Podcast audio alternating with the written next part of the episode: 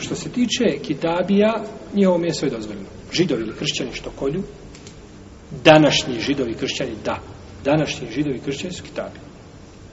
Oni su kitabi. Ima među njima koji su otišli ateizam, ima, no međutim, opća slika današnjih kršćana i židova su kitabije.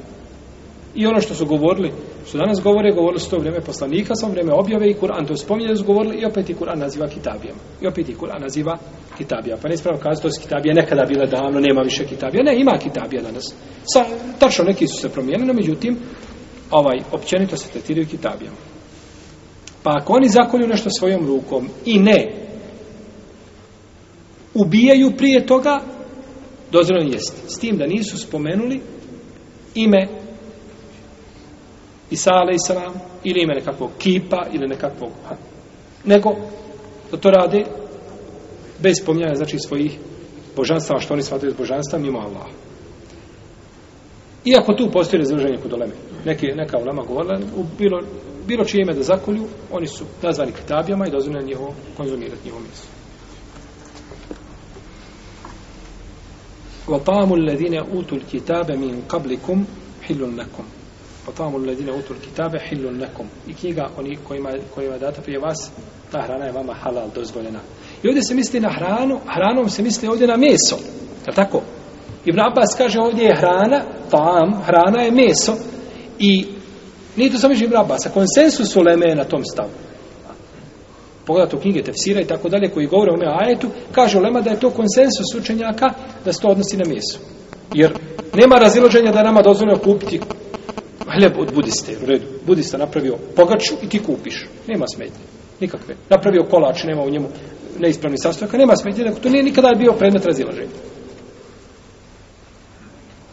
A da kažemo kada bi kazali da je riječ nejasna i da se ne odnosi na meso, kazat ćemo odnosi se na hranu. A šta je meso? Hrana. Naj, najpreća hrana, tako. najviše ljudi vole. Tako. Najviše ljudi vole. Tako da opet ulazi šta u opće značenje? dozvoljena je hrana, židova i kršćana. Kakva hrana? Sva hrana. No, međutim, danas je ovaj često ćete naći možda u fetvama, kad se spominje fetve, kaže ulema, danas se kaže možemo jesti u Evropi, gdje god jesu, možete jesti.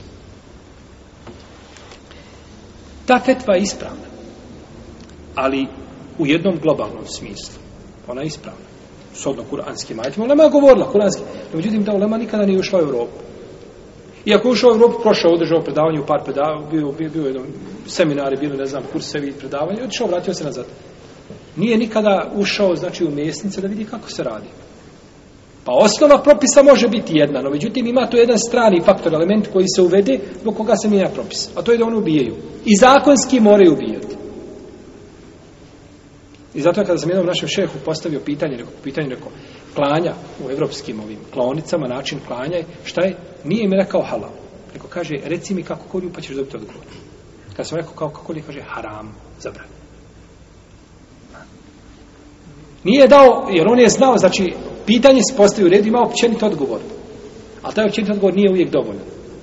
I zato da ne neko se poveo za fetvom, što se kaže negdje, ne, ta fetva, uz nužno poštovanje naše uleme, ovaj cijenjenje, nije, nećemo kazati da nije ispravno, ona je ispravno općenito. Ali ima nešto što je njima bilo sakriveno. Jer on to da su znali, svi bi kazali da je haram. A to je da se ubija, zakonski se mora ubijeti. I životinja se ubije i nakon ubijanja ispadne iz bubnja gdje je ubijena i bude na zemlji dok je okače, dok je prikače, dok je rignu, dok dođe tamo do onoga mesara što kolje, prođe vremena, on kolje, reže glavu, ona se ne pomjera. Što ukazuje znači da životinja mrtva. Je tako? I to smo ispitivali i govorili smo o tome, znači da smo pitali ljude stručne o tome koji znači svi ovaj potvrđuju da je to. Ja sam čak tražio onoga jednog da mi da mi naprazno opali pištoljem. Pali da vidim šta je to. Ja sam mislio to nešto sitno iziđe. To, to je, to je o, o, ovakav komad železa bolan iziđe iznutra.